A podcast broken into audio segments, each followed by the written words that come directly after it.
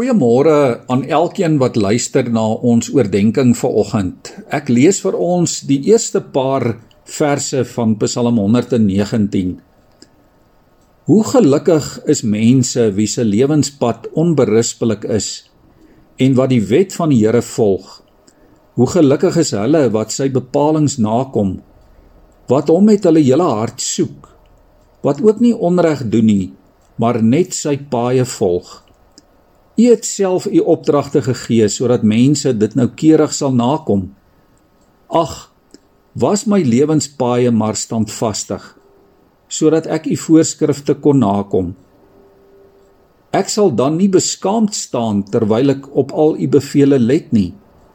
Ek loof u met 'n opregte hart terwyl ek u regverdige beslissings bestudeer. U voorskrifte sal ek nakom. Moet my tog nooit in die steek laat nie. Psalm 119 is die langste van al die psalms. En in werklikheid is dit soos 'n kunswerk aan mekaar gesit. Dit is een van seker die heel mooiste gedigte in die hele Bybel. En dit bestaan uit 176 verse in 22 dele. Dit word ook die oktaafpsalm genoem omdat elke deel uit 8 verse bestaan en ons weet in musiek is daar 8 note in 'n oktaaf. Daar is nog 'n paar interessanthede aan hierdie besondere psalm. Die Hebreëse naam Jahwe wat beteken Here word ook 22 keer gebruik. En die Hebreëse alfabet het 22 letters. Die digter se liefde vir die woord en vir die wet van die Here is ook baie oorheersend en prominent in Psalm 119. God se woord is in werklikheid die sentrale tema en die digter verwys na die bepalinge, die opdragte, die voorskrifte, die beslissings en die bevele van die Here. Hy sê gelukkig en geseënd is die mens wat sy of haar lewe inrig volgens die woord en die wet van God.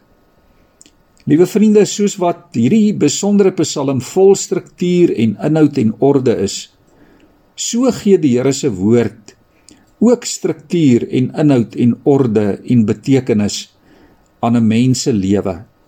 As jy getrou is aan die Here en aan hom vashou. Die woord en die wet van die Here gee aan ons standvastigheid en maak dit vir ons moontlik om regverdig in hierdie wêreld te lewe. Hierdie Psalm kom sê: In u gebooie vind ek vreugde en u bepalinge gee vir my insig sodat ek kan lewe. Ons het dit nodig in hierdie tyd en wêreld waarin ons vandag leef. Ons het 'n woord nodig. Ons het 'n roetekaart, 'n GPS nodig wat vir ons rigting aanwys wat vir ons help om die regte keuses te maak volgens die wil van die Here. Uiteindelik lei God se woord ons ook op 'n pad van verlossing sodat ons nie verlore gaan nie. Kom ons buig ons hoofde vanmôre voor die Here. Here vanmôre kan ons weet dat u woord betroubaar is en dat dit waar is. Dankie Here dat ons kan wag op u woord en dat u woord vir ons lewe en oorwinning gee.